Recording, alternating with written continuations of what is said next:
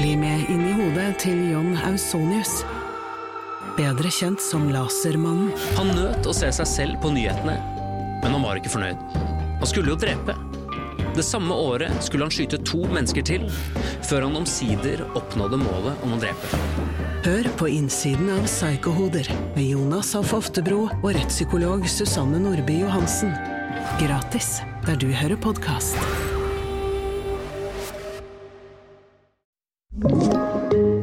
Podkast fra Podplay. Velkommen eh, til eh, Popkast. Han er fra eh, Sauda. Rukket å bli eh, 67 år. Nærmer seg 68, faktisk. Er utdannet prest, men det ble musikken som ble hans store vei i livet. Han har gitt ut eh, 28 album, vunnet en haug av priser, og har med årene blitt en av våre mest folkekjære artister.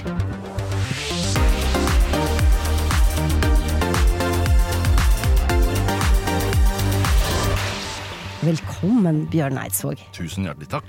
Var du fornøyd med oppsummeringen så Ja. langt? Jeg stusser alltid på det der blir 68. Du gjør det, ja. Eh, altså, jeg- For du er 67, jeg sa det da. Jeg er 67, og det er to dager til jeg blir 68. Ja, Det var er sånn- nemlig det er derfor jeg sa det, for det var så Det var skåns- ja, det. Men det er liksom 28 plater, det syns jeg høres kult ut. ja. Eh, og lang karriere høres kult ut. Og folkekjær også høres veldig kult ut. Folkekjær høres veldig kult ut, men Ja. blir 68, den, er, den sitter langt inne. Men sånn er det. Og sånn er det. Og jeg vet at det er veldig mange som er eldre, så jeg har en bror for eksempel, hvis jeg sier at alternativet er så mye verre, Ja, så sier han det er det bare gamle folk som sier. det er helt riktig. Ja. så derfor så prøvde jeg ikke å si det nå. Men det å gå gjennom historien din, Bjørn, det er som å lese en historiebok, nærmest. Ok. Det er jo nesten ikke så veldig lett å vite hvor man eh, skal begynne, men eh, jeg lurte på om du kanskje kunne ta oss eh, tilbake i tid, til litt sånn hvordan musikk startet for deg? Ja, Musikk starta for meg ved at eh, jeg hørte veldig mye på radio som bitte liten. Eller mm. bitte liten, hva, hva var det, fire, fem, seks år, eller noe sånt. Da, det det finnes noen bilder av meg fra den tida hvor jeg står med øret klistra opp i radioen. Eh, fordi, fordi jeg fant Skrudde på denne radioen, så fant jeg et eller annet Altså fant annen musikk enn det som var på eh, de kanalene mor og far hørte på. Og, og det der fortsatte jo med når jeg ble ungdom og bevisst, altså Radio Luxembourg og eh, masse greier. Det, radio var fryktelig viktig når det gjaldt utdannelse av pop, i popmusikk særlig. Og så har jeg nok veldig kraftige musikalske impulser ifra bedehuset i Sauda, som Ja. mor og far tok meg med på, for de tilhørte det miljøet en stund. Og jeg var altså så glad i musikken der, eh, som ble framført av ja, det var et sånn eh, ensemble med hva var det, ti-tolv stykker, kvinner og menn, sang to- eller trestemt, eh, mandoliner, gitar, av og til trekkspill, av og til en, en som kom og spilte på sag. Eh, og så var det altså tekster med patos og inderlighet, og det, det var så det betydde så mye for de som sang, det så man. Altså, Det var opptil flere som nesten hver gang begynte å gråte for en sang om, om himmelen, om Jesus og om tilgivelse, og om at man har skuffa og ikke, ikke klart å leve livet som man skulle, og vært slem mot andre og ba om livet. Altså, det var sånn det, det, var, det var musikk som betydde noe. Ja, det var ek ektehet. det var ektehet fra Ja. A til Å. Og det er jo altså Når jeg, hørte, hør, når jeg nå hørte meg sjøl beskrive innholdet i de sangene, så er det som å høre beskrivelser fra mine sanger. Altså, det, Du har vel tatt med deg noe derfra, Jeg da? har nok tatt med Ja. noe derfra. Men i alle fall så tilhører jeg da den musikkgenerasjonen. Så kom jo da Dylan og, og Beatles, altså Beatles og Dylan og alle de som fylte popmusikken med innholdsrike tekster. Altså det var jo Jeg er jo barn av en slags sånn protestvisebevegelse. Mm. Så tekst som skulle bety noe, det var fryktelig viktig for oss. Mm. Og det er det nok ennå. Altså jeg tror vi har den generasjonen min har, har litt problemer med bare å skrive en kjærlighetssang, på et vis. Det sitter, Litt sånn klisjé. Ja, det sitter ja. langt inne, for det skal liksom det skal være noe message her. Skal være et Ja. budskap her. Ja. Kan du huske hvor gammel du var når du begynte å bry deg om dette? Ja. Eh, Jeg var 12-13 år, tror jeg. Altså, Ja. Jeg skrev første sangene mine skrev jeg som 13-14 Mm. år, og det var, eh, de var proppa med alvorlig innhold. Mm. Så Har du noe av det liggende fortsatt, eller? Nei, jeg skrev en, en kjempelang kjærlighetssang til eh, en, eh, hun som senere Hun som ble kona mi. Eh, Jeg tror den hadde ti vers. Og, og da var det, da var det, da var det liksom innimellom alle kjærlighetserklæringene så var det eh, vi må passe på verden. Ja. Vi må huske at eh, vi må elske Gud og vår neste. Mm. Altså det var liksom en salig blanding av alt mulig. Så jeg var tidlig ute med eh, å, skulle frelse verden. Mm, ikke sant. Og, og det tar oss jo litt til altså, det, det er jo litt sånn eh, to sider av samme sak, egentlig. For, altså, fordi du utdannet deg til prest, Ja. og så musikken. Og dette var jo Ja. det du på en måte da tok med deg fra bedehuset, som du forteller om. Ja. Hva, hva var det som gjorde at det var musikken som kanskje ble liksom det mest dominerende i livet ditt etter hvert? Jeg tror at liksom, behovet for å studere teologi og, og tenke at jeg skulle bli prest, det var større da jeg gikk på videregående. Og, altså, da, da var jeg liksom helt bestemt på at Mm. det er sånn det skal gå. Men så kom jeg til Oslo, og så starta, starta vi jo band. da. Uh, og det begynte å bli fryktelig gøy, og jeg begynte å skrive uh, sanger som ble bedre og bedre, syns jeg. Og, så så det, det ble bare en naturlig utvikling. Så et, etter hvert så ble jeg litt sånn ja, likegyldig til teologistudiet. Altså, jeg, jeg tenkte jeg må bare bli ferdig, så, så er det egentlig musikk jeg skal holde på med. Så mot slutten av, helt på slutten av teologistudiet så hadde jeg nok bestemt meg for at jeg ikke ville bli prest. Jeg ville ikke bruke det til det. Jeg ville, jeg ville ta en tilleggsutdannelse og bli lektor. Um, og da var jeg jo inne på å studere musikk, eh, eller sosiologi, et eller annet, et tilleggsfag. Eh, Men så fikk jeg en pra praksisperiode på et psykiatrisk sykehus mm. som teolog, teologistudenterna. Og der møtte jeg en fyr som eh, var en, en den kuleste presten jeg har møtt. Altså på ordentlig måte. Eh, Han ga så å si aldri noen svar, han bare returnerte spørsmålet på en elegant måte. Han var liksom en Utfordret deg til å tenke? Ja, utfordret meg til å tenke, og utfordrer alle andre til å tenke, og det var noe som jeg virkelig trengte, fordi at noe av det jeg sleit med med kirka og teologistudiet, var at jeg hadde en følelse av at vi ble utdanna til å skulle, skulle komme med svarene på livets aller største spørsmål, og det, jeg var jo ikke i nærheten av å ha det, og det hjalp musikermiljøet meg til. Altså fordi at kontrasten til det teologiske miljøet som vi var i på MF, iallfall delvis, eh, og til det å være på turné med, med musikere, eh, den, den var Det er ganske stor forskjell, er vil jeg tro. Og så tidvis da så syns jeg at det derre rufsete eh, rocketurnémiljøet, at det var det var mer ordentlig. Altså, Mm. Det var, var på en måte mer skikkelig. Ja da, det var festing og fyll og, og, og, og mye tull og tøys og mye grovt snakk. Men, men folk var ordentlige med hverandre. De, de, de kødda ikke. Det var liksom Mer ærlig, Ja. tenker du, eller? Ja. Ja. Mm. jeg, jeg fikk vel rett og slett uh, hetta av det derre til Hva skal vi si det, det derre eh, litt sånn kristelige eh, språket som er litt sånn tildekkende. Altså man, man pakker ting inn fordi det er så viktig å, være akseptert og ikke si noe som er feil og skeivt, og så blir man, enten en vil eller ikke, hvis en tilhører sånne miljøer og har vokst opp i det, så, så blir man på en måte litt moralist. Altså fordi du tenker eh, at jeg har funnet noe som andre ikke har funnet, og det burde de finne. Mm. Eh, Så jeg sitter på en større gevinst enn det de andre gjør, og da det der sklir veldig fort ut til å bli en ekkel måte å forholde seg til verden på. Så jeg lovpriser eh, mine musikervenner, som har vært mange opp igjennom, Mm. og det miljøet som jeg kom inn i, eh, fordi at jeg syns jeg ble en eh, jeg ble en større slabbedask på noen områder, og så ble jeg et mer ordentlig menneske på andre. Ja. Og det er, jo, altså, man hører det jo, det gjenspeiler seg jo litt i musikken din, dette her. Fra, liksom fra første skiva di, som kom i 76. Ja. Eh, og frem til Jeg tenkte vi skal spille Jeg må spille litt av den, Bjørn. Okay. Mulig du er litt lei av den. Nei, vi hører litt på Jeg ser. ja.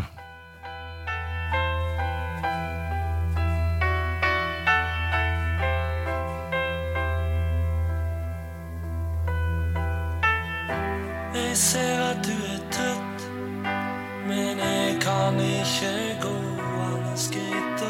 all.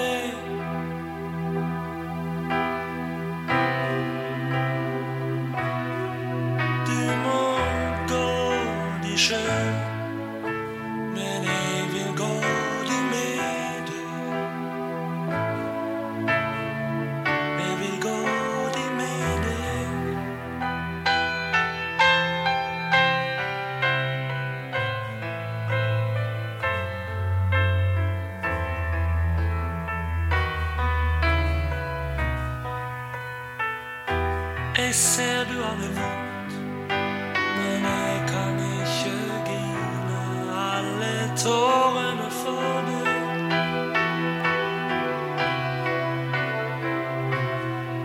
Du må grine de sjøl, men jeg vil grine med deg. Det er fint fortsatt, Bjørn. Ja, det er fint. Det er det. Ja. Dette var da Jeg ser fra eh, Passegal.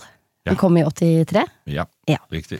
Denne låta har jo på en måte Den står ved deg. Den, er, eh, den kommer du vel nesten ikke utenom. Nei, den kommer ikke utenom.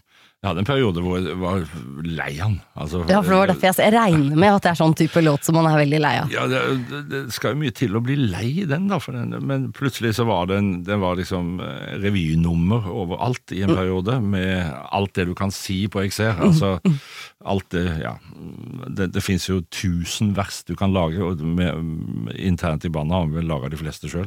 Altså alt fra eh, at du er tørst og jeg kan ikke drikke, og at jeg ser at du er Du har vel fått noen av de oppe? ja. alt det der. Så, og det ble liksom, så, så jeg ble litt lei av, eh, lei av det, Mm. og tenkte at ok, da får den bare holde på. For teksten er jo egentlig vanvittig fin. Ja, den, er- den er iallfall vanvittig enkel. Å, altså, det ekte? er liksom sånn, Ja, det, det er den. Ja. Men så tok jeg han inn igjen, for det, og det var, da var det sånn eh, publikum som, som kom til meg etterpå etter konsert og sa du, vi har reist fra Sørreisa til Tromsø for å høre den sangen. Mm. Og du, du nekter å spille. Hva er det? Og Det er da- toppen av arroganse, egentlig. Ja, det er virkelig det. Ja. Altså. Så, så da bestemte vi for at sånn kan vi ikke holde på. Nei. Jeg var på, øh, fikk også en lærepenge av å være på Paul McCartney-konsert i, i, i New York. Ja. Og da øh, gleder jeg meg jo til å høre Hey Jude og litt, litt sånne ting, Mm. men ikke tall. Altså, han nekta å spille Beatles-sanger. Og jeg var så skuffa. Altså, ja. Du kunne jo gitt det beste noe. Og så kom jeg og hørte han tre-fire år etterpå, eh, på samme sted i New York. Eh, og da Da han- kom det? Da kom alle de der. Og det var, For da altså, har begynt å gi blaffen, da, kanskje. Festforestilling. Ja, Ja. jeg tror det at det, altså, Man blir vel mer sånn avslappa i forhold til seg sjøl. Det er jo et, som du sier, altså arroganse å ta seg sjøl veldig høytidelig. Det er jeg som skal bestemme hva dere skal synge. og det, Sånn har det jo for så vidt ennå. Men nå, nå er jeg helt sånn eh, skruppelløs på å gå inn på Spotify eller andre st- strømme, Mm. strømmesteder og se hva er det folk hører på av mine sanger. Ja. Og så tar, mest. tar jeg med de som streames mest. Veldig lurt. Og det er jo også, altså, du er jo den artisten eh, du er, folkekjær og alt, på grunn av disse sangene. Så det er jo noe med Ja. det også å gi folk da det de Definitivt, ja. Som også har gjort at du er den du er i dag. Ja. Men du, eh, du, du snakket i stad om eh, altså denne At Altså du jobber på eh, psykiatrien, Mm. og denne eh, psykiateren som da gjorde inntrykk på deg. Mm. Jeg har skjønt at det også inspirerte deg ganske mye sånn til eh, tekstskriving? Ja, definitivt. Eh, altså, jeg, jeg fikk så respekt for eh, musikken. Jeg har alltid hatt respekt for musikken, og, og, og elsker jo musikk. Altså, det betyr så mye for meg. Men da fikk jeg virkelig se at musikk kan skape forandring. Altså mm. sanger som, eh, som folk er glad i, som, var, som folk var glad i da de var, eh, da de var yngre. De, altså det var jo en periode da jeg vokste opp, og, og de generasjonen før meg, de lærte seg jo sanger på skolen. Eh, både salmer og, norske folketoner og alt mulig. Og da er det en del av de greiene som, som sitter igjen. Så det var særlig en eh, kvinne da, på en avdeling på, på Lie sykehus som hadde mista språk og vært eh, hatt, altså, lidd av alvorlige eh, psykiske problemer. Eh, Så hadde jeg da en eh, allsangsession på den avdelingen som hun, eh, hun var. Laga et allsanghefte med da, hvor jeg tok hensyn til at her må jeg finne de der sangene som jeg tror er eh, viktige for dem, som, de som de har lært før. Så kom vi til eh, De nære ting av Kurt Foss og Reidar Bø, og hun våkna altså til de grader og begynte å synge på teksten uten å se i, i tekstheftet engang.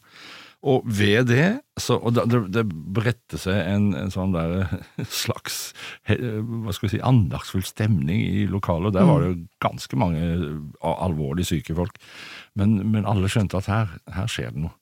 Og, og ved det så fant rett og slett den dama språket sitt igjen. Hun begynte å snakke etter det. Og det er så, jeg har fortalt denne historien i mange sammenhenger før, men for meg blir altså det så talende, så viktig. Altså, det at jeg har liksom ikke Man skal aldri på noen som helst måte tulle med at sang, sanger betyr noe.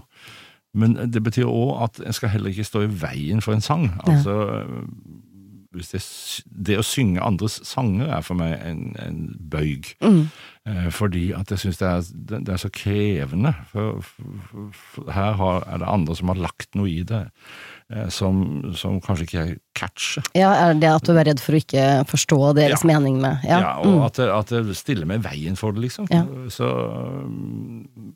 ja. Men jeg, det hender at jeg våger å synge andre sine sanger, men da må jeg iallfall gjøre det såpass lavmælt og, og rolig og forsiktig. Og helt annerledes, kanskje. Og helt, gjerne helt annerledes. Ja. Ja. Men du, altså, du, du ga jo ut eh, Altså, du har gitt ut, som vi nevnte, 28 album. Ja. Men det, altså, det tok en del år før det sånn virkelig smalt for deg. ja. Det, du, du hadde Ja. liksom en sånn slags lang oppbygning. Mm. Har, har du noe sånn Vet du hvor det kommer fra? Ja, har du det- noen følelse av det selv? Ja, det øh, mener jeg at jeg vet. Jeg, mener, jeg tror og mener at det er fordi at vi var I utgangspunktet så var vi litt sære, øh, og vi ville være det øh, helt, helt i begynnelsen. Det, vi var skeptiske til eh, platesalg, for eksempel. Altså, Det er sånn typisk at sånn ja, ja. Men det var vi, altså, for da fikk du kommersiell stempel. ja, det er akkurat den som mange er redde for. Ja, Ja. og det skulle vi ikke ha. Altså, det var Hula Bandula Band og sånne ting som vi, som vi så opp til, og de var jo progressive. Nå har jeg, jeg ble jo kjent med Afselius og Michael Wie senere, og, at, og så at det var mange forskjellige motiver der også. Det får du nok sikkert, kan jeg tenke meg. Men, eh, så, og så er det jo denne her dette kristenstempelet Mm, som jeg, jeg sleit voldsomt med på, på 80-tallet. For Mm. jeg hadde ikke lyst til å være i båsen kristen artist, fordi at det var også et slags sånn uttrykk for kvalitet, eller mangel på kvalitet. da. Mm. At det, det gjerne var dogmatiske eh, f- f- tekster som, som, eh, som, ja, som ikke var utfordrende i det hele tatt, men som bare Altså Jeg fikk jo masse kritikk i den tida fordi at jeg aldri nevnte Jesus i tekstene mine. Ja, altså, det, er sånne greier. Det, det blir feil enten eller hvordan du gjør det, da, på en måte. Så jeg jobba beinhardt for å riste av med det der kristenmannsblodstempelet, og, og, og, og dette tror jeg også førte til at eh, at ja, folk stolte ikke helt på meg Ja. som artist. Altså, at Noen gjorde jo det. Altså, jeg har hatt en sånn fangruppe som har fulgt med meg, men, men at ja, hva er han for noe? Er han eh, Tilhører han eh, kirka? Eh, Ikke? Altså, hva, er, hva vil han si oss? Er det noe sånne skjulte at han skjulte budskap her, at han prøver å høres frisk ut, men egentlig så skal han frelse. Så det er masse sånne greier. Og så tenkte da Paul at ok, nå, nå må jeg drite og prøve å forestille meg hva folk forventer Mm. av meg, og så legger vi opp en plan. Altså rett og slett en karriereplan. Men hvor kom rockepressen, hvor kom det fra da? Nei, det kom Det var altså eh, Kurt Bak Bakkemoen, Ja. eh, som eh, var journalist i VG, musikkjournalist. Han besøkte meg da jeg begynte å jobbe på Lie sykehus. Dette må vel ha vært i 82-81-82. Og han brukte ordet rockeprest i headingen på det oppslaget. Og den var det gjort. Altså, det var Det har hengt ved deg. det har hengt med meg. Og da, det var jo selvfølgelig en del av det som jeg var ordentlig sur på. Ja. Eh, Men så, på slutten av 80-tallet, så tenkte jeg nå, nå gir vi blaffen i det. Ja. Altså Nå får folk kalle oss det, vi, det de vil. Mm. Eh, Og da la vi opp rett og slett en svær turné, det, det var i begynnelsen av 90, en, uh, som het Almasland Ja, det var i for det- forbindelse med en plate Ja. som jeg ga ut som het Allemannsland. Og da, da tenkte jeg at ok, for da har vi brukt masse tid for å komme oss unna kirkene og unna uh, rockeprestempelet. Så tenkte jeg ok, jeg er jo, altså, jeg er jo en kristen, på en måte. Jeg, jeg, går, jeg er glad i kirka. Jeg, mm. så da rykka vi inn i kirka igjen, og lagde hele plata, spilte med inn i Kampen kirke, og la opp en turné eh, i Norges land Ja. rundt det. Og det blei en braksuksess. Det var liksom sånn Folk gikk rett og slett mann av huset, og det var ja, Vi kunne holdt på fryktelig lenge med den turneen. Så det, det var ordentlig gøy. Og da, da, var, da kjente jeg at jeg, nå er jeg ordentlig glad. Var på stedet. Ja. Jeg tenkte vi skulle høre en låt fra den skiva. Ja. Dette er Jeg kom. Litt urolige og redde. Jeg er ikke vant med sånne rom. Men jeg er klar og kledd, sjøl om jeg føler meg litt dum. Det er så fint og flott her. Jeg hører ikke helt til. Skulle kanskje ikke ha gått til og bare latt det være i fred. Men jeg kommer når du er med. Du får ta meg som jeg er. Det får skje meg, det som skjer meg. Du får grine eller le. Jeg er ikke særlig prektig. Jeg har riper, jeg har sår. Dette rommet er så mektig. Det er kanskje best det går. Vis meg nå ditt ansikt. Ja, det er fint, Bjørn. Ja, Denne sangen åpner turneen eh, også nå, så den har, den har tålt tidens tann. Den har absolutt tålt tidens tann. Den kom i eh, 93. Ja. Ja. Og etter det så var det jo litt sånn, eh, i hvert fall sånn som jeg har eh, opplevd det, at nesten altså samtlige av dine utgivelser har vel gått inn på salgslistene her i Norge? Eh, Ja, ja i, det, i det siste har det ikke det. Nei, men altså de, de, de Men årene før, den da. ti- Ja. Den tida der, Ja. så, så gjorde det det. Altså. Og særlig da fra øh, Hvis jeg skal gå, skal gå raskt fram, så altså, Slutten av 90-tallet var en fin periode for, Mm. for oss. Mm. Jo, det, det har jeg lyst til å si i tilknytning til det du spurte om tidligere. Altså Mm. med at karrieren min eh, vokste treigt, eller, eller seint. da. Jeg sa ikke at den vokste Det- treigt, altså. Nei, det, altså det var ingen, jeg tok det ikke som en fornærmelse i det hele tatt. Fordi at jeg er jo glad for det. Ja. Jeg er glad for at det gjorde det, at vi fikk tid til liksom å bygge og tenke oss om, og at det ikke ble noe sånn eh, Rocket Sky-hit eh, før. Altså Den ordentlige hiten som kom, var jo mysteriet der. Ikke sant. Det, da, Da smalt det. Da smalt det, så, så bare det. Og da tenkte vel at no, dette er vi litt forberedt på. Og Mm. vi hadde da som sagt vi hadde liksom lagt en karriereplan, og dette gikk i noenlunde i henhold til plan. Mm. Altså Så stor suksess hadde vi ikke kunnet forestille oss. Men uh, eh, ja, så 90-tallet var en fin periode, og fordi at vi, vi liksom Jeg fikk prøvd meg innafor Vi laga en rar plate som heter Tapt uskyld i den perioden, som er liksom som en sånn lita, litt underlig uh, sak, som, som var litt eksperimentell fra vår side. Ehm, som, som er veldig glad for at jo, men, men det er en rar plate. Og det tror jeg ikke vi hadde liksom fått til hvis uh, vi ikke hadde la, laga en plan og vært enige om at her kan vi eh, her skal vi liksom, Vi skal ikke ri på noen kommersielle bølger, vi skal finne ut hva vi, hva vi vil. Ja, og at du kan stå for det du gir ut. At Ja. det er ekte, ekte, på en måte. Det er Bjørn. Ja. Men hvordan opplevde du den perioden der? For det må jo ha vært en litt sånn omstilling for deg? Altså du tenker etter mysteriet? Nei, Eller nå i- tenker jeg egentlig litt før. Eh, Det opplevde jeg som en veldig kreativ og veldig flott periode. Mm. Altså, 90-tallet var gøy. Ja. Og det fikk jo Det starta jo på Vi ga ut en plate som het eh, Til alle tider, eh, som var helt i begynnelsen av 90-tallet. Ja. Som eh, altså, den dag i dag er jeg fryktelig stolt av. Mm. Som jeg syns er et, et Det er nok Ja. Å, å bruke ordet mesterverk om sine egne ting, det er ikke lov.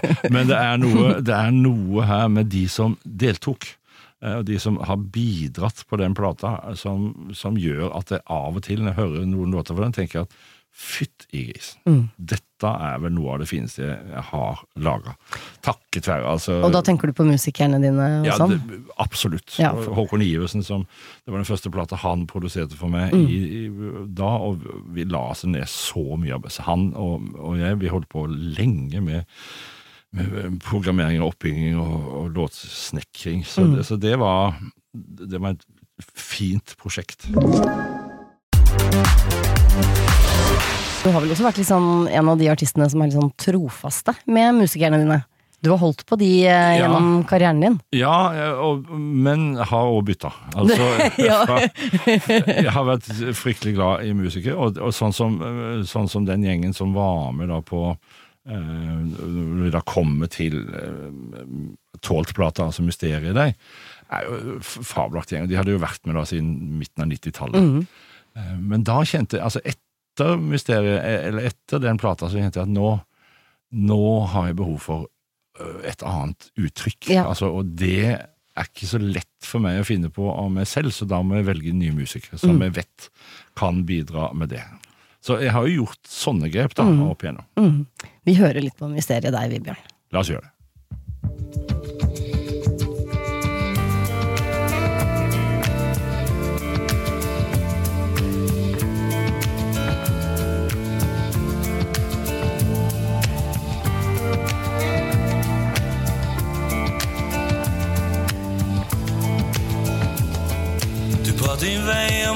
Verdensrommets enorme dimensjoner. Munnen løper løpsk, og øynene er i brann. Du tar med meg inn i noen voldsomme, vidløftige visjoner. Om uendelighet og svarte hull og Mars svunne vann. Når jeg tenker på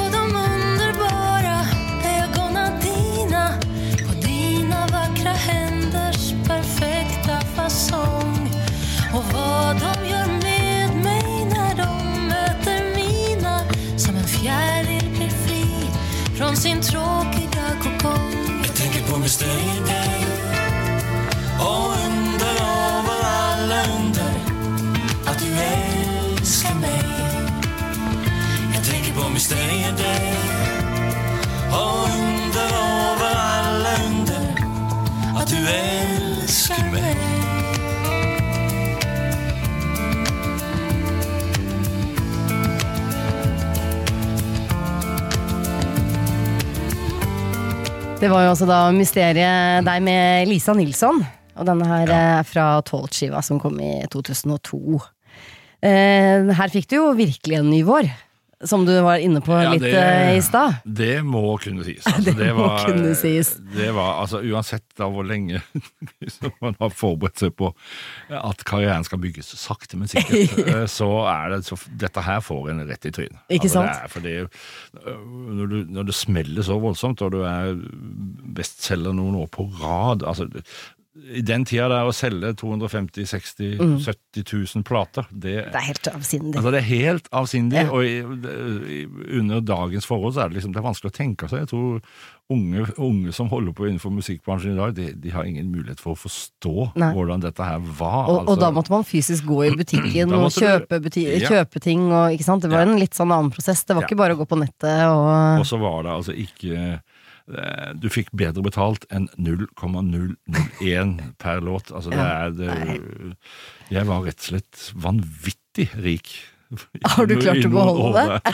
Ja, noe av det har jeg Rota det bort? Noe, nei, nei, det har jeg ikke gjort. Nei. Det har jeg ikke gjort. Jeg tror jeg er ok. Klart det er greit. Jeg liker å spise og drikke godt og, og reise, eller sånn. Ja, jeg liker den biten der, men, men eh, jeg tror vi har klart å ta vare på det.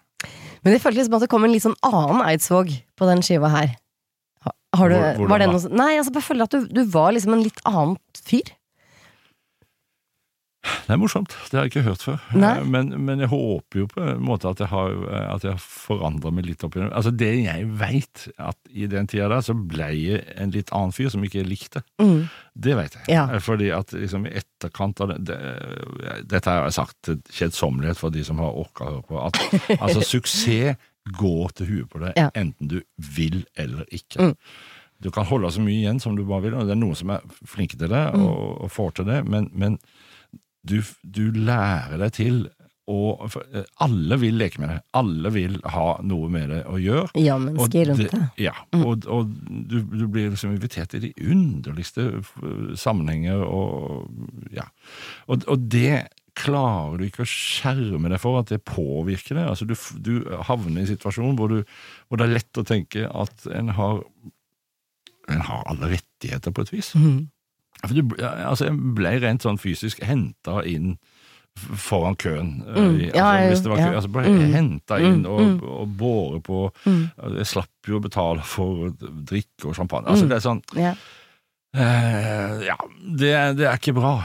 Det, det fins ikke bra, og jeg ble, jeg ble dårlig av det, rett og slett. Altså, jeg ble dårlig eh, fyr, eh, kombinert med, med, med drikke. Da. Mm. Så, så ble jeg syns det var vanskelig, rett og slett. Jeg, var, for jeg, jeg er en ganske introvert fyr, egentlig, og, og, og det å havne i den situasjonen der var smigrende og, og plagsomt. Mm. Altså, det var sånn, eh, ja. Du trosset deg selv litt, da, kanskje? Jeg trossa meg sjøl Mm, definitivt, mm, mm. og, og, og har liksom noen sånne drittsekkeksempler som, som jeg skammer over den dag i dag. Altså, mm. hva- jeg tillot meg å si til folk, fordi at jeg tror det er rett til å gjøre det. Så jeg tok, eh, jeg tok et valg i forhold til det, da, Mm. og, bestemte meg for at sånn, sånn kan det ikke være. Og jeg hadde jo folk rundt meg, som eh, Ole Petter Berge, som er min nærmeste medarbeider, som har vært der i alle år Mm. som eh, jeg, jeg fikk jo beskjed om hvor uspiselig dette her var. Men det er veldig godt at man har sånne mennesker Ja, rundt seg også da. Helt livsviktig, Ja, i, ja. særlig i sånne, i sånne faser.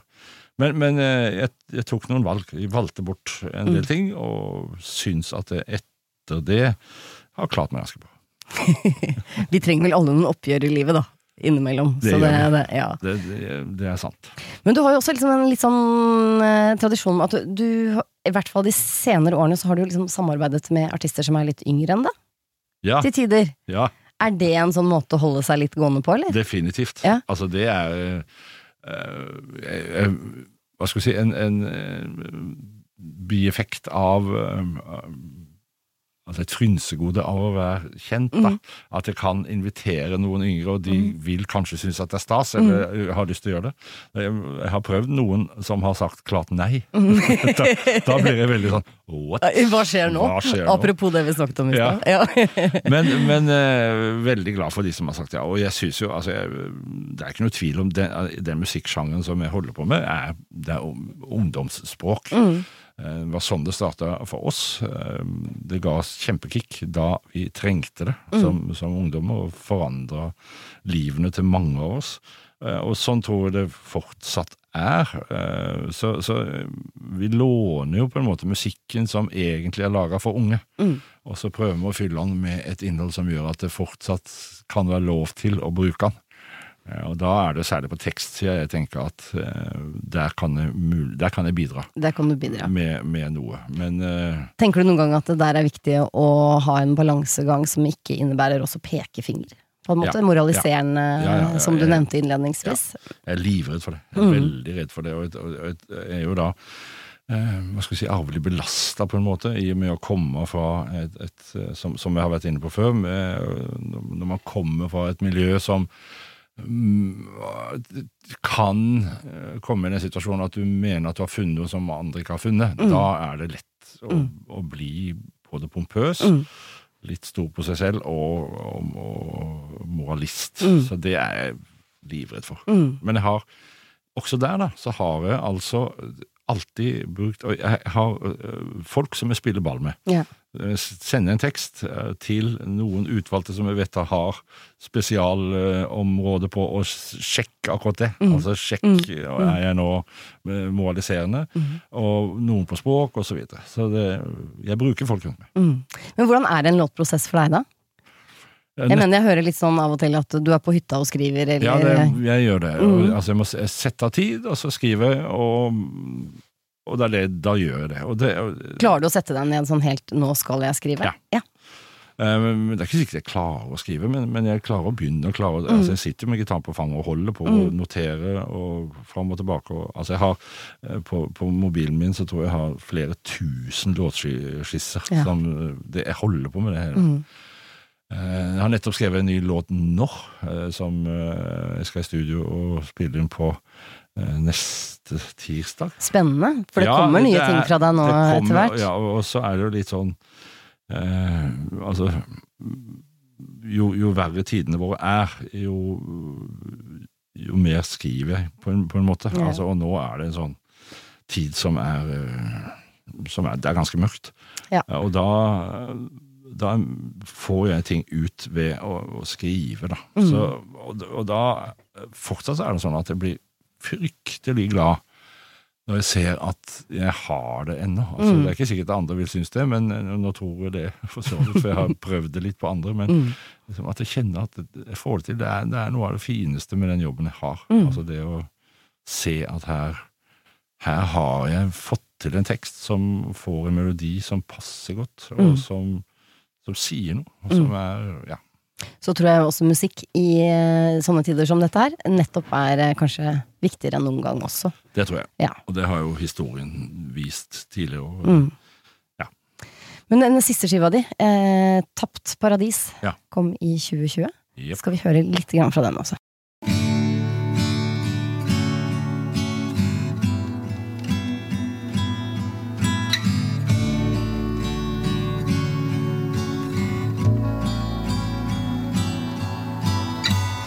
Plutselig tok livsveien en brå og blå, blå sving. Det er ganske mørkt her nå. Lyn fra klar himmel med annet ingenting. Smerte byr livet raust på. Kan det snu snart? Kan det vende. Det er åpenbart kan hende at ingen slipper unna det tragiske av. Vi trodde aldri på det. Helvete nåde. Det er Så vakkert. Kan det snu? Denne her passer jo i dag også, Bjørn. Ja, den gjør det. Des, de- dessverre, skulle man si. Eh, jeg har skjønt at den skiva her er litt sånn inspirert av eh, Adam og Evas oppgjør med Ja. Gud i Morsomt. paradis. Ja, Altså det, jeg, jeg har vært helt hekta på den historien og den myten. ja. Som kalles tapt Ja, paradis-myte. Ja. Og alle religioner har en eller annen form for tapt paradis-myte. Eh, Og, og jeg ble jo lært opp til å forstå den på en måte, Mhm. med den kristne bakgrunnen som jeg har. Altså at det var at dette, at det, det, ble, det ble jo kalt syndefallshistorien, og Adam og Eva brøyt eh, en avtale med Gud og ble kasta ut, og dermed så kom arvesynd i, inn i livene våre, og da til slutt så måtte Jesus til for å frelse ja, I hele tatt en Ja. lang sånn frelsehistorie. Og så, eh, i, i de senere årene, har jeg begynt å lese mye, mye mer teologi og filosofi, og, og syns det, det er kjempegøy. Så ser jeg at dette, det finnes jo helt andre tolkningsmuligheter for den historien. Og det er jeg ikke kvitt ennå. Eh, Så nå driver jeg og jobber med noe annet også, som, som tar litt utgangspunkt i det. Og det, det er jo, det kan òg leses som en fortelling om at vi er ikke laga for paradis. Nei. Altså streben etter å komme til paradis, eller å være i et, i et rom hvor du er kun omgitt av velbehag og friksjonsfri lykke. lykke. Det, det kan du bare gi opp. altså, det, kan, det kommer noen sånne øyeblikk inniblant, men det er, det, det er liksom ikke menneskets lodd å være der. Og det Adam og Eva visste jo hva de gjorde. De visste at de kom til å bli kasta ut. Og det som står da i, i, denne, i Gammeltestamentet, er jo at ja, da måtte de ut og jobbe og slite og oppleve livet sånn som livet faktisk er.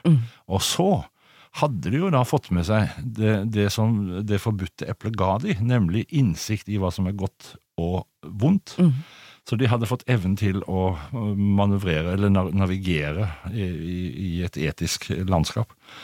I tillegg så hadde de fått lysten til hverandre på kjøpet. Som da masse gamle teologer har definert, altså begjæret, altså seksualiteten, har definert som noe uh, syndig, fordi at det kom som en følge av En del av en synd. eh, Yes. Ja. Mm. Men det er jo omvendt. Altså Det er jo en gave som de skulle klare Så de skulle klare å leve videre der ute. Så det, dette er en For en fantastisk Mye fin bedre eh, historie. Ja, det var en uh, flott versjon av historien, vil jeg si. Det var mye mer, mye mer å ta tak i. Og det er jo også det der med sant, at vi mennesker Vi er jo kanskje bedre på vei til målet, på en måte. Ja. Eh, Ja. Det å nå et mål er en sånn ørliten lykke akkurat der og da. Og så er den over. Helt enig med deg. Ja. sånn er det. Dette er livsforholdene vi alle sammen lever under. Ja. Men du, eh, kjære Bjørn, nå har det jo blitt noen priser på deg etter hvert. Spellemann, Gamling, Alf Prøysen, Ærespris Gamling? Gamleng! Ja. Gamlingprisen, ja. Ja, Gamlingprisen har du fått. Tusen takk. Nei, det var Gamling jeg mente. Jeg fikk den. Ja, det den var jeg veldig, veldig stolt, stolt av. Ja, og Alf Prøysens ærespris og Ja. er, det liksom noe du føler at du ikke har oppnådd ennå? Har du fortsatt det derre suget etter altså, Det skulle jeg ønske at jeg hadde. Jeg har, jeg har ikke fått vunnet Skal vi danse, da. Da må du bli med først, vet du. Ja, det, er det. Nei, er det noe jeg ikke har oppnådd? Nei, jeg, jeg, jeg har et prosjekt som jeg jobber med nå. Mm. Som er som i, Det er to prosjekter jeg driver og jobber med. Et, jeg skal gjøre noe sammen med Herborg Kråkevik. Mm. Eh, Vi skal, vi skal prøve å ta, eh, ta kjærligheten fatt. Altså Mhm. gå inn i Finne ut liksom hva, hva er dette for noe? Eh, og ja, lage noe forhåpentligvis morsomt og, og innsiktsfullt på det. da. Mhm. Og så har jeg jeg jeg nærmer jo slutten av min karriere, og, og vel så det. og mitt liv. Eh, Dette er ikke noe sånn kokettering, men det, det er bare sånn se på tallet. Mm. Eh, Og jeg Hva tenker du om det? da? Nei, ja, Ja. nå skal, nå skal Ja. du få høre at jeg, tenk, jeg tenker Jeg har liksom tenkt at kanskje 28 plater har jeg laga. Kanskje det blir 30. Mhm. Eh, Jeg har en på gang nå som er litt sånn eh, Best of-aktig. For det bandet som jeg har nå, den måten vi tolker låter på, syns jeg er så fint, så jeg har lyst til å få dokumentert det på et vis. Og så har jeg et prosjekt som handler om en oppsummering av altså, Jeg nevnte det tidligere at jeg kommer fra en generasjon som ville veldig mye når det, gjaldt, når det gjelder å forandre verden. Mm. Vi var opptatt av klima, eh, vi var opptatt av fred, eh, og vi skrev sanger om det, og vi gikk i tog. Og, og, og så er liksom spørsmålet og hva fikk vi til? det? Mhm. Og nå er vi altså der vi er. Og, klima, Og nå er vi litt tilbake til samme- ja, ja. Klimaspøkelset er verre enn noensinne. Eh, og har jo, jeg har jo bidratt til det Mm. eh, med, med, med min livsstil. Eh, og vi ser nå da med eh, Ukraina at fred er, er ikke noe som oppnås. Fred er noe som må kjempes for uavlatelig. Og ikke ta som en selvfølge. Ikke ta som en selvfølge. Og dette, er, dette har jeg lyst til å skrive om. Altså Jeg har rett og slett lyst til å lage en sånn oppsummering på ok, hva sto vi for, hva har vi fått til, hva, hva ble viktig for oss, hva ble ikke viktig for oss. Og da, Det holder jeg på med nå. Det syns jeg er utfordrende og veldig gøy. Ja. Det er, har du sikkert veldig mye å bidra med, vil jeg tro. Jeg håper det. Men du Bjørn, nå skal du ut på veien. Du skal ut Ja. og spille. Du begynte på en uh, turné nå i høst, vel? Som ble, var det Riktig. koronaen som kom og ødela? Korona stoppa han. Ja. Hvordan har de, den tiden vært for deg sånn å ikke kunne spille og sånn? Du er veldig glad Nei, i å være på veien, har du ikke Ja, det? jeg har spilt. Ja. Altså, jeg har, jeg har ikke brutt noen regler, men, men da, eh, liksom, da det ble helt forbudt og, og sånne ting, så, så holdt vi opp. Da. Mm. Men i det øyeblikket det åpna litt, så, så nedskalerte vi litt pakka Ja. vår og fikk det til å gå eh, sånn noenlunde rundt økonomisk. Vi mista jo, som alle andre, alle festivaljobber. Mm. Festivaljobber i min verden er det er litt sånn sparegris, eh, rett og slett. Altså at det er noe vi bruker til å legge opp litt midler for å kunne turnere Mm. andre steder, eller for å kunne gå i studio eh, og lage, lage ting. Den mista vi, og den, mm. den svir litt. Men, Ja. men staten har stilt opp, altså. altså Ja. det, det er sånn, jeg, jeg har aldri tenkt at, eh, at noen andre enn meg selv skal forsørge, eller Altså, hvis en, hvis en lever av å lage musikk og har en karriere, så, så skal ikke den subsidieres i, i min verden. Liksom det, da må du, hvis det, hvis det går ille, Klare deg så må du klare, klare deg sjøl på et Ja. vis. Men Mm. heldigvis så, så er det jo Altså, jeg er tilhenger av støtteordninger og Mm. alt sånne ting, men, men for de av oss som er hva skal vi si, har et kommersielt potensial, da, Mm. så, så må vi mest mulig grad klare oss sjøl. Ja. Og så må støttemidlene gå til de som driver innenfor smalere mm. uttrykk. Mm. Eh, Jeg er veldig glad for at vi fikk kompensasjon og, og, og subsi... eh, heter det? Eh, Ja, altså, vi, vi fikk støtte. Ja. Vi, vi klarte å holde bandet eh, på veien. Mm. Alle gikk ned, eh, reduserte hyre og sånne ting, men, Mm. men det er kjærligheten til det å spille, og det å allikevel tjene på det. Mm. Altså, det var ingen Mm. av oss som led noe stor nød på, på noen måte. Ja. Så jeg syns det har gått fint, og jeg har hatt, i antall konserter så har jeg stort sett hatt det jeg har hvert år, altså rundt 80-100 konserter i året. Så, så, Og nå fortsetter du ut på veien. Har, du skal til Nord-Norge, var det sånn? Ja, Ja. altså vi er på norgesturné, som starta, som du sa, i oktober. Og, og Nord-Norge hører definitivt med til det. Som mm. vi tok fra Trondheim og nedover, altså sørover, før jul. Og nå tar vi fra Alta og ned til Trondheim eh, nå i denne runden her. Hvor lenge holder dere på da? Nå skal vi holde på i jeg tror det er cirka det ti konserter her i landet, og så drar vi endelig tilbake til Danmark, for det har vi hatt en tradisjon på Ja. i mange år, å ha Ja. en uke før påske i Danmark. Mhm. Og det har vi ikke fått gjort da, i pandemien. Så nå skal vi tilbake dit, og det koser vi oss med. Det er veldig kjekt, og det virker som om det danske publikum også gleder seg til det. Så det Tror mange er konsertklare nå. jeg tror det. Ja. Og så, så, så hører vi jo rykter da om at det sitter langt inne eh, for noen å gå ut, altså kulturhus rundt omkring, eh, forteller om at folk eh, er litt sånn Kvier seg litt de, grann. de sitter på gjerdet Ja. fortsatt litt, men da tenker jeg vi må bare komme i gang og vise hvor bra vi er, så, Mm. så blir dette fint. Mm. Men du Bjørn Eidsvåg, eh, hva, hva ville du fortalt deg selv som ung i dag? Med det du vet gjennom eh, din karriere? Eh, jeg, jeg ville ha sagt noe, det, prøv, det har jeg prøvd å si til mine barn, og ikke minst mine barnebarn, at eh, eh, forventningene til eh, seg selv, altså til å få til alt, og til å, være flink og grei og god og snill og, og alt det der, det, de kan man dempe. Altså, ambisjonsnivå kan dempes. Du trenger ikke dempe ambisjonsnivået ditt på, på ting du har lyst til å bli god i. Men, men som menneske altså, Jeg sier ikke nå at du skal legge an til å bli et, verre dårlig menneske, men, men det er noe med den der pakka som jeg fikk eh, tildelt, da, som, som eh, Hvor liksom Ja. Hvis du ikke var bra nok, så kunne du få elendige konsekvenser. Eh, og det det der, der skulle jeg ønske at noen hadde, noen hadde holdt rundt meg og sagt slapp av, Bjørn. Det går bra. Dette går bra. Ja. Dette går fint. Nei, Bjørn, du skal aldri til helvete. Ta det helt på. Helvete fins ikke, skjønner du. Det er et sånt ris som de voksne har laga bak speilet, som de kan true med. Men det fins ikke. Slapp helt av. Kjære Bjørn Eidsvåg, tusen takk for at du kom. Lykke til med turné, ny plate og livet generelt. Tusen takk.